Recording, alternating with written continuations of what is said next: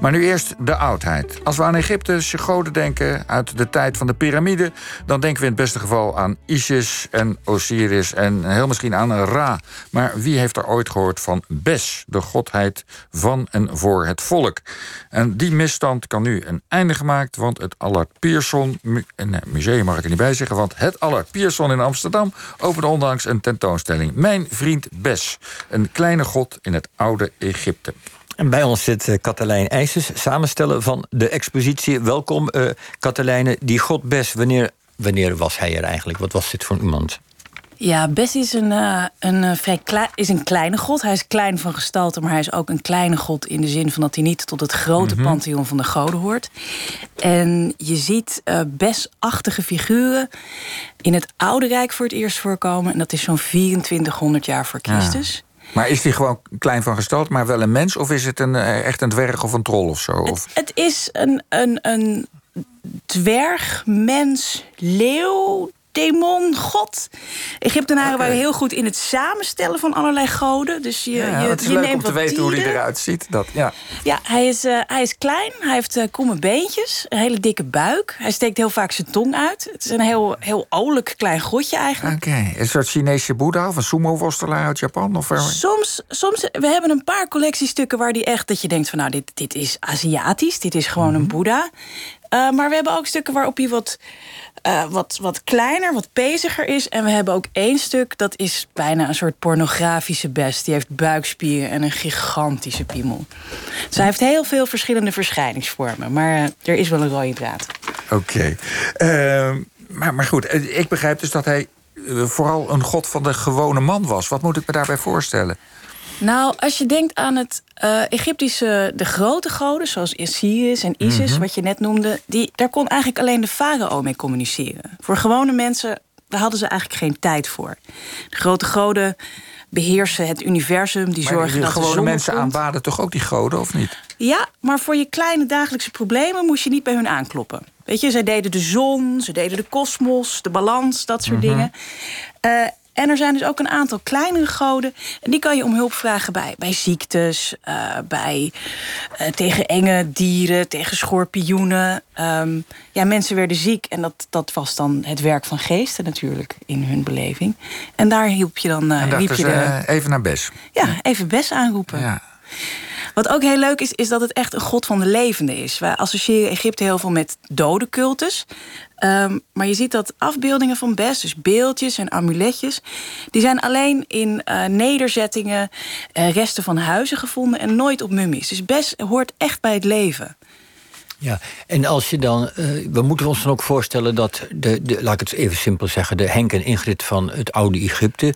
hadden die dan allemaal een besje aan de muur of op de schoorsteenmantel? Of hoe, hoe, hoe gaat dat? Nou. Je, je hebt heel veel kleine huishoudelijke voorwerpen waar afbeeldingen van Bes op staan. We hebben hele mooie kleine vaasjes en potjes en lampjes. En uh, je ziet ook vooral zijn populariteit terug in het feit dat er ontzettend veel kleine amuletjes gevonden zijn.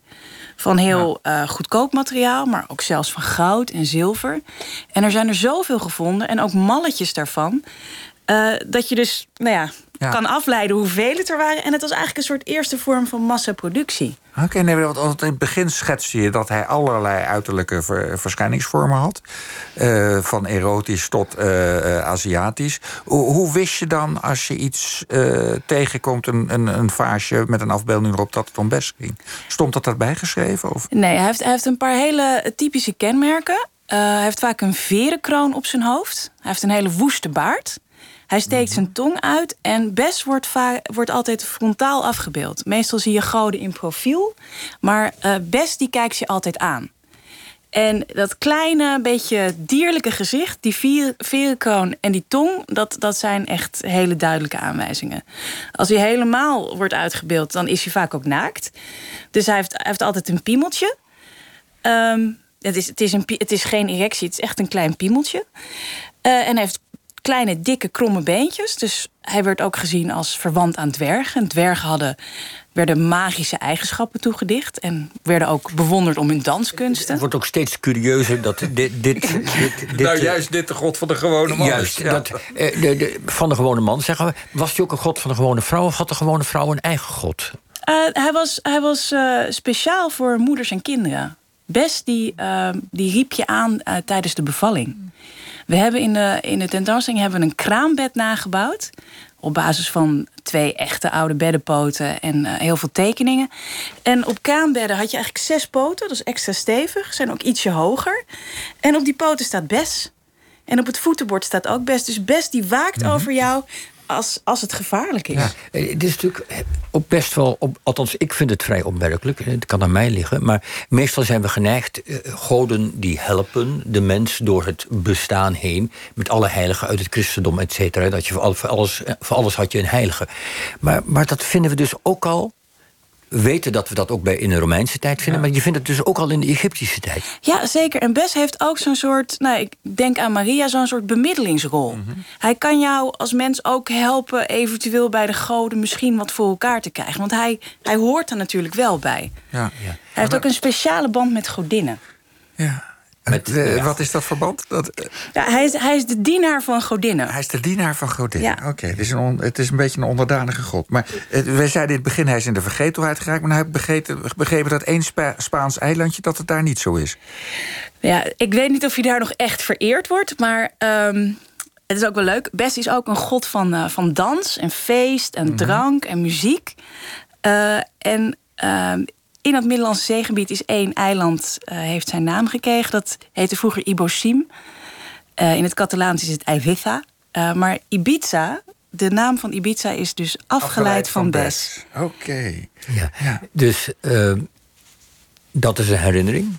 Nu gaan jullie de herinnering nog eens uitgebreid uitpakken in het museum. Over, en jullie noemen de tentoonstelling ook Mijn Vriend Bes. Hoe, hoe wordt dat, wat laten jullie zien waardoor wij snappen dat het mijn vriend of de vriend van de Egyptenaren van toen was? Nou, het is, um, het is natuurlijk in de kern laten we heel veel archeologische stukken zien. En die worden vaak tentoongesteld op een manier die vooral de chronologie of de vindplaatsen heel erg benadrukt. We hebben hier gekozen om het heel erg verhalend te maken. Dus we beginnen met een introductiefilm door een, een, een geweldige jonge animator, uh, Mirjam Debets, die jou uitlegt waarom Best jouw vriend is. Uh, het is ook een heel grappig godje, dus ik wil er ook graag een familietentoonstelling van maken. Dat betekent mhm. dat er elementen speciaal voor kinderen in zitten, maar dat je meerdere lagen van informatie aanbiedt. Uh, Bes is hartstikke grappig. Dus we vertellen wie Bes is, waarom hij je kan helpen, waarbij hij je kan helpen. En we nodigen je uit om hem verder zelf te ontdekken. Ja. En, en tot wanneer kan dat? Dat kan uh, tot en met 8 maart. Oké. Okay. Dankjewel. Nou, graag gedaan. Ja.